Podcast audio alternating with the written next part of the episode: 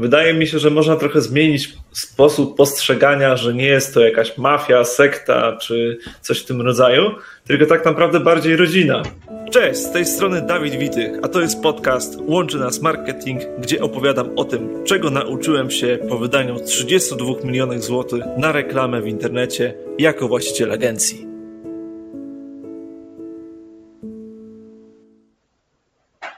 Moi drodzy słuchacze, dzisiaj włączy nas marketing. Mam specjalnego gościa, gangstera z Pruszkowa, który nie zajmuje się stricte budowaniem struktur w mafii, ale w networkingu, czyli tym, o czym e, w ostatnim odcinku opowiadałem. Macieju, jakbyś mógł opowiedzieć, jak to właśnie wygląda w Twoim biznesie, na czym to u Ciebie polega? Dzięki wielkie Dawid za spektakularne przedstawienie, że rzeczywiście słuchajcie, pierwsze lata swojego życia spędziłem w Pruszkowie. To były szalone lata 90., e, więc rzeczywiście się działo i rzeczywiście dało się wtedy czuć, że e, to, kto zna kogo, jest bardzo ważne. Więc rzeczywiście można powiedzieć, że to trochę takie przedszkole networkingowe e, też było.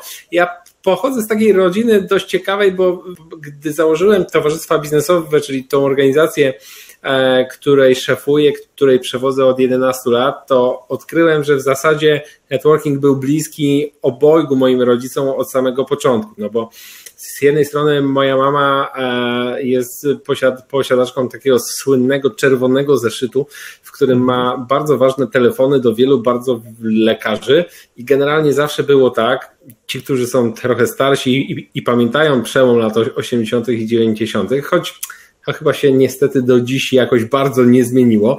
Jeżeli e, mieliście intensywny kontakt ze służbą zdrowia, to generalnie networking bardzo pomagał. Jeżeli e, się, się znało kogoś, kto zna ordynatora i ktoś kogoś tak. i tego, no to generalnie nie, nie to, że e, sprawy się działy, a inaczej się nie działy, mhm. tylko po prostu idą szybciej, sprawniej, lepiej.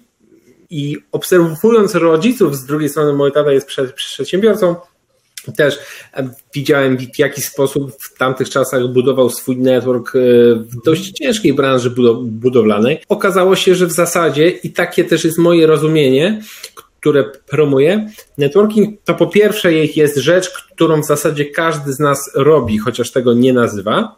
Mhm. Podobnie jak PR ro, robimy wszyscy, no tylko, że jeśli nad nim nie panujemy, to, to prawdopodobnie kształtujemy inny wizerunek niż byśmy chcieli. Bardzo podobnie jest z networkingiem. Mhm. E, a po drugie, e, zauważyłem, że networking w zasadzie to jest nic innego jak rzetelne służenie i profesjonalne proszenie o pomoc. Mhm. E, co to znaczy rzetelne służenie? I to jest, słuchajcie, żeby nie było, moja oficjalna definicja z książki, dlaczego networking nie działa i co możesz zrobić, żeby to zmienić. Rzetelne służenie, słuchajcie, to jest dawanie ludziom tego, czego potrzebują w czasie, gdy tego potrzebują, albo więcej i szybciej.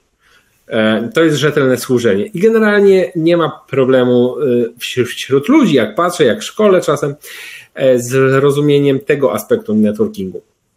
Okej. Okay. Mhm.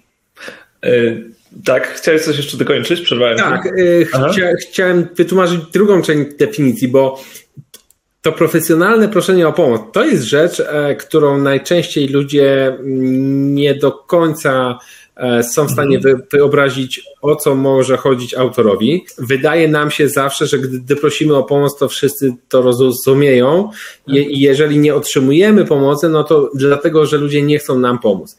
Tymczasem najczęściej e, w ogóle nie, w ogóle nie prosimy, mhm. a jeżeli prosimy, robimy to w tak zawoalowany albo niezrozumiały sposób, że generalnie nie ma jak nam pomóc. Zawoalowany, bo się wstydzimy, mhm. a niezrozumiały, no bo na przykład, e, jak mój pewien kolega, szukamy kontaktów do przemysłu.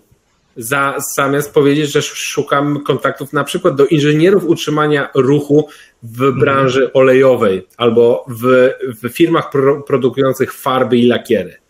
I o ile ludzie nie mają kontaktów do przemysłu, o tyle mają kontakty do inżynierów zajmujących się utrzymaniem ruchu. To jest, y, mimo że większość z nas robi to odruchowo od odrodzenia, odkąd się po raz pierwszy uśmiechnęliśmy mhm. E, do drugiego człowieka, no to rzeczywiście poznanie tego od takiej strony trochę teoretycznej bardzo pomaga robić to skuteczniej. I miałem okazję to wielokrotnie widzieć właśnie po tym, jak na przykład moja, moja mama arcy szybko była w stanie dotrzeć z recepcji szpitala do ordynatora poprzez mm -hmm. to, że zadawała trafne pytania w dyrektywny sposób, odpowiednio, a większość zatrzymywała się na etapie e, okienka i grzecznego czekania 35 godzin na to, aż ktoś się ruszy. Słyszałem takie fajne porównanie, że networking jest trochę jak związek. Muszą być randki, żeby doszło do małżeństwa, czyli do sprzedaży. Dokładnie tak. A tymczasem jestem e, w stanie zaryzykować tezę, że wiele osób e, utożsamia networking bardziej niż z, wiesz, randkami romantycznymi, później narzeczeństwem, mhm. później małżeństwem, tak. bardziej z dyskoteką i, szyb, i szybkim pójściem. Szybkim numerkiem. I szybkim numerkiem, tak? Okay. No, Okej, okay, no być może jakieś tam takie, wiecie, speed networking albo coś. Mhm może tak, ale na koniec dnia bardzo często z takich wielkich spędów, e, szybkiego poznawania się w zasadzie niewiele wynika, a tym mhm. bardziej niestety większość też nie rozumie tej pierwszej części e, definicji, e, czyli że networking w pierwszym rzędzie polega na służeniu innym.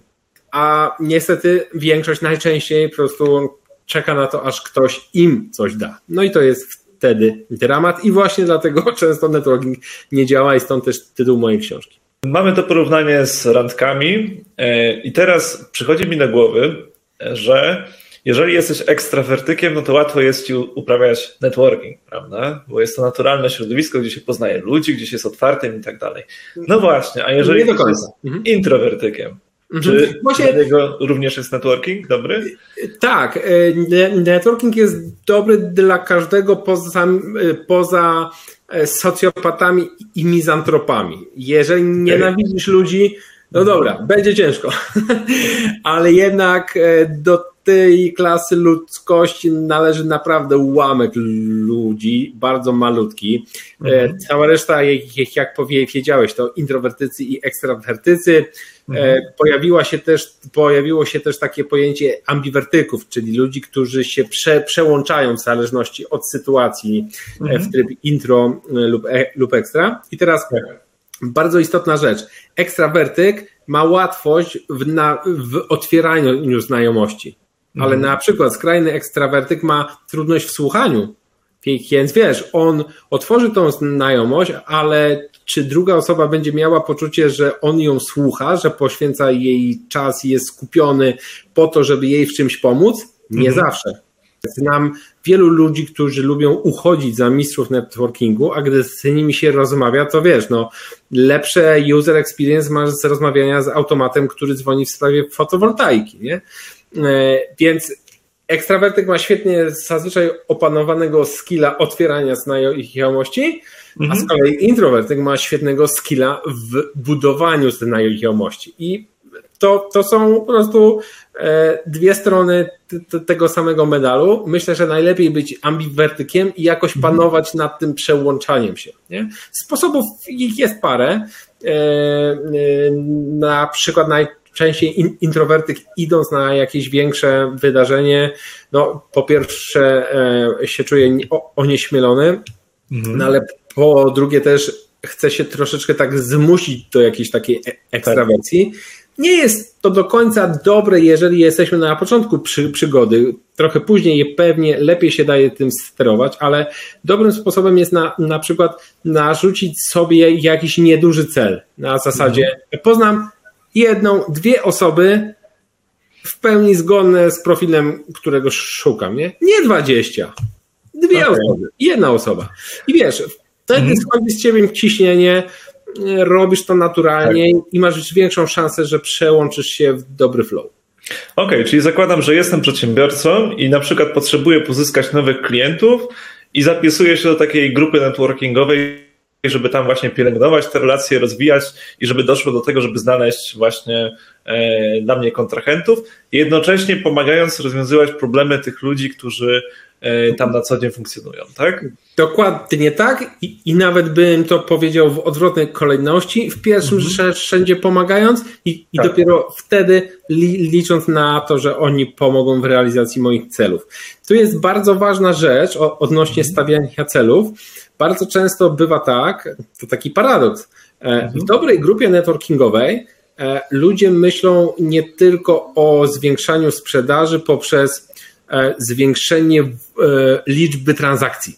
O co chodzi? Chodzi o to na, na przykład, że dzięki inspiracji i wiedzy możesz zwiększyć swoją sprzedaż, nie zwiększając liczby transakcji. No bo na przykład ktoś ci trafnie podpowie, jak możesz zmodyfikować swój pricing.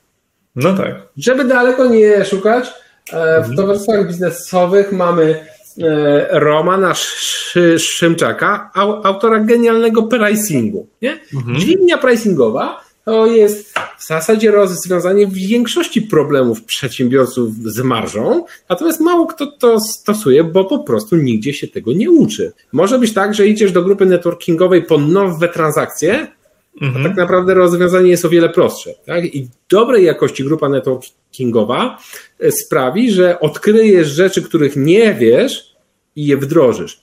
Albo inny przykład. Możesz iść po new business, mhm. e, a o wiele prościej będzie na przykład dzięki inspiracji z grupy zmodyfikować swój model biznesowy i sprawić, że bez new biznesu zarabiasz więcej. I takich potencjalnych korzyści innych niż tylko liczba transakcji dzięki grupie mhm. jest sporo. Trochę też o tym e, mówi dr Wong, e, który puentuje, że your net worth is your network.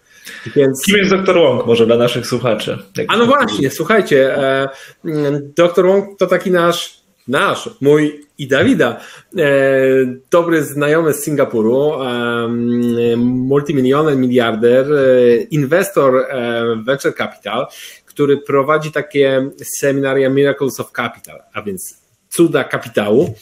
E, na zaproszenie towarzystw biznesowych i pracowni z synergii robi to też w, Polsce. Polska jest jedynym miejscem w Europie, gdzie, e, gdzie tego typu seminaria robi. Przed pandemią e, przylatywał do nas i dwukrotnie w ciągu roku takie seminarium prowadził. Po pandemii dwukrotnie zrobiliśmy online'owe, nagraliśmy je, więc dzisiaj w zasadzie nie musimy kłopotać doktora o to, żeby prowadził online, no bo wtedy, gdy nam pasuje, po drugiej stronie globu jest barbarzyńska pora i żeby prowadzić te online'owe spotkania dla, dla nas musiał wstawać o północy albo o drugiej, już nie pamiętam, więc było to ciężkie, no ale mamy już nagrania i je z przyjemnością udostępniamy tym, którzy chcą odkryć, że to naprawdę nie przypadek, że firmy warte miliardy głównie powstają w Stanach, Azji i Izraelu to naprawdę nie jest przypadek, ale nie chodzi o to, że oni są mądrzejsi, tylko chodzi o to, że oni patrzą na te same sprawy i widzą co innego. My nie widzimy i mamy na to bardzo dobre alibi. 123 e, lata zaborów, wojna, Katyń, potem komuna, ale powoli to alibi się kończy.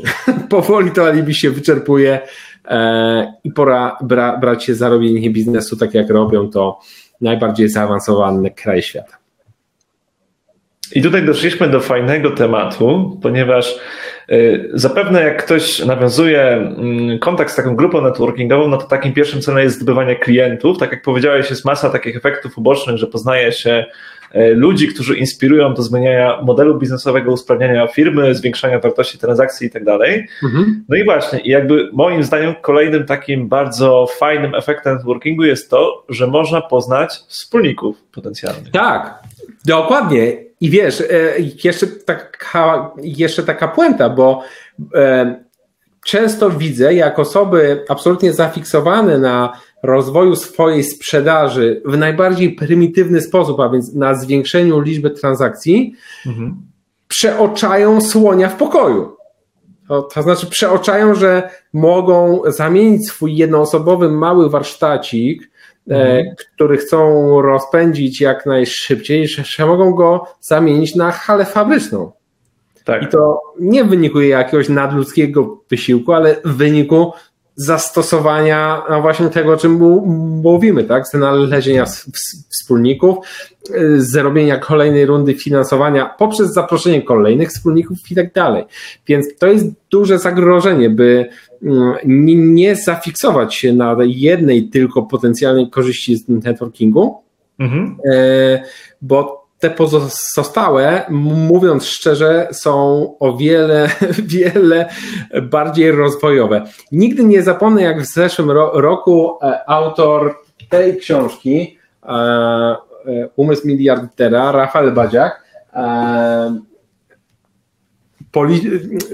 podzielił się taką myślą i że policzył kiedyś, że jakie musi być tempo, mhm. pracy najemnej, żeby zarobić miliard dolarów.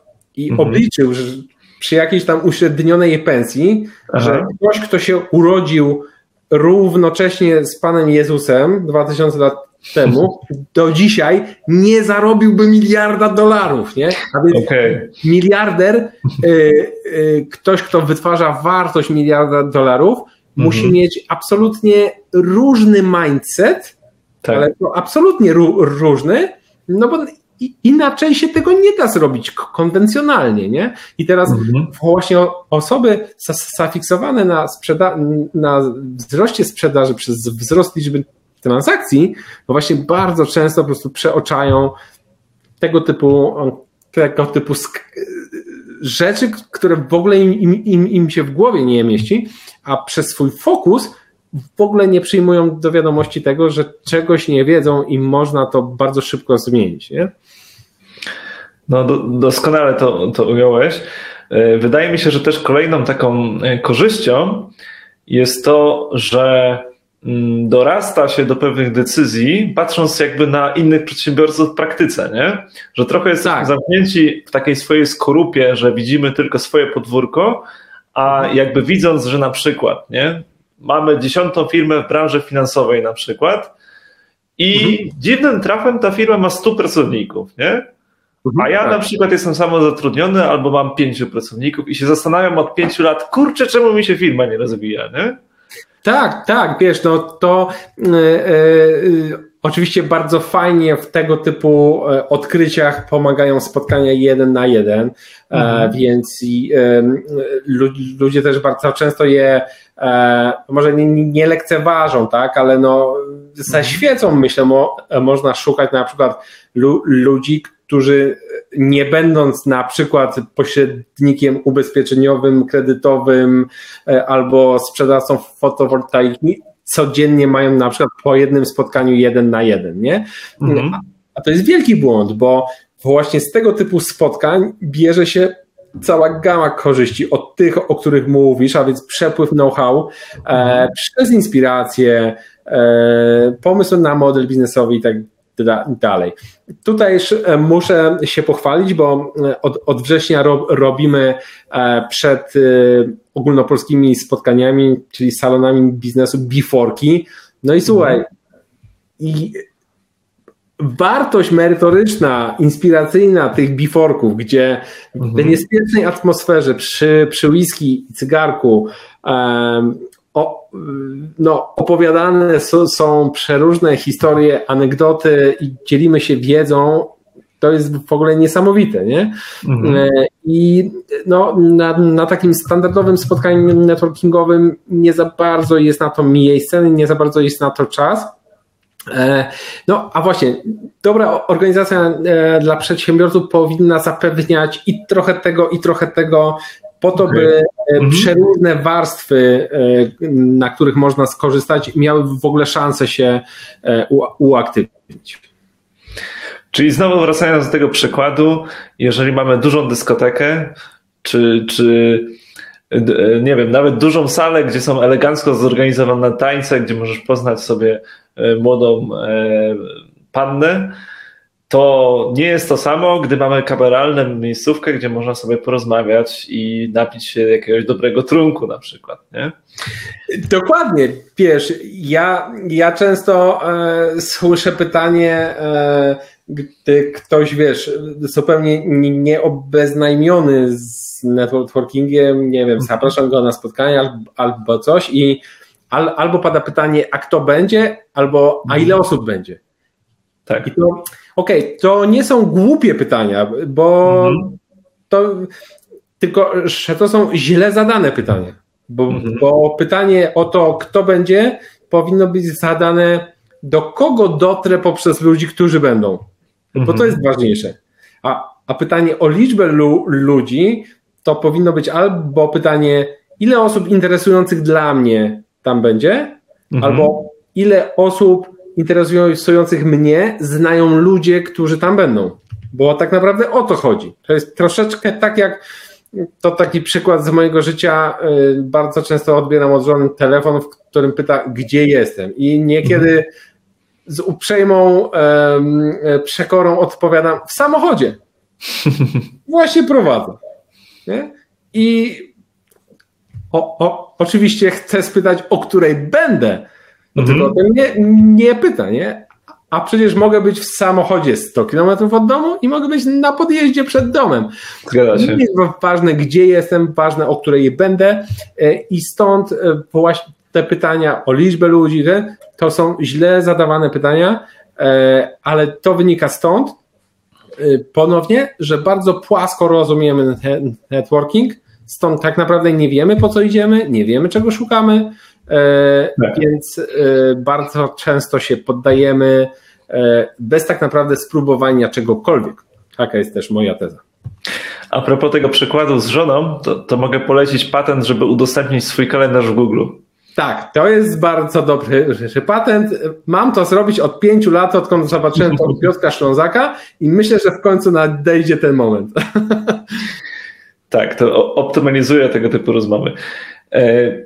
Jeszcze wydaje mi się tak po swoich doświadczeniach z networkingu, że jeszcze takim bardzo fajnym efektem jest to, że na przykład wchodzi jakaś zmiana w prawie, teraz mamy ten nowy ład na topie, mhm. albo nie wiem, okazuje się, że najlepszą inwestycją są kryptowaluty, Mhm. I mimo tego, że nie planowałeś na przykład biznesu z taką osobą, która się tym tematem zajmuje, to okazuje się, że ty znasz już kogoś, kogo możesz się doradzić w tym temacie i on będzie znał odpowiedzi na, na wiele pytań, bo dobra mhm. konsultacja jest tak naprawdę warta więcej niż przeczytanie dziesiątek książek o tym temacie. Tak, o, oczywiście.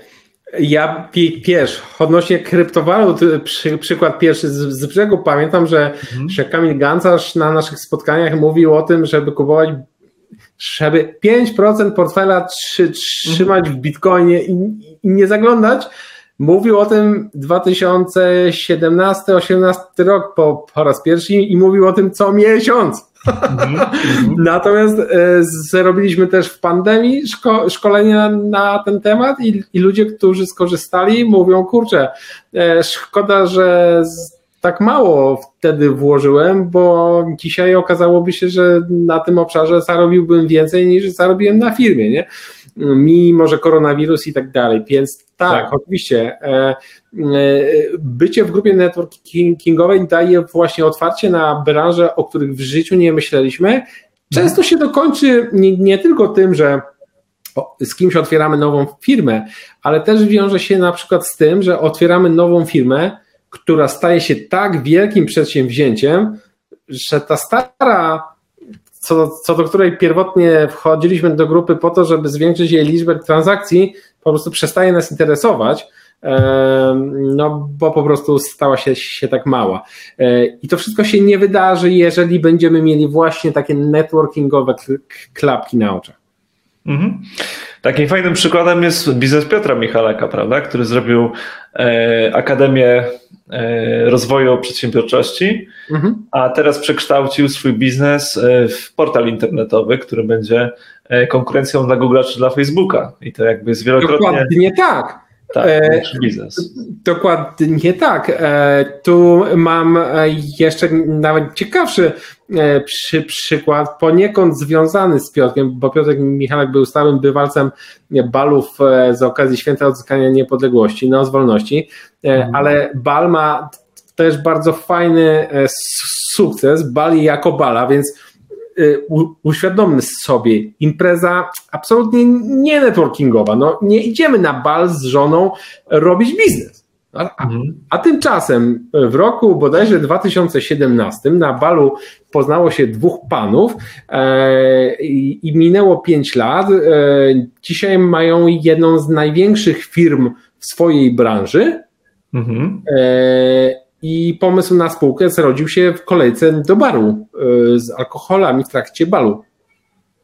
I oni są tego świadomi i zawsze, gdy się widzimy, mi o tym przypominają. Szli na bal nie znając się, poznali się tam.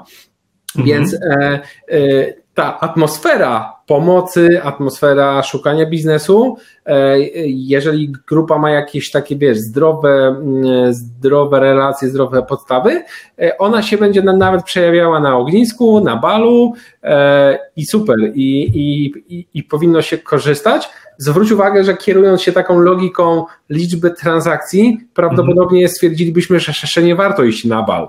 No bo tak. co ja tam sprzedam? Mhm.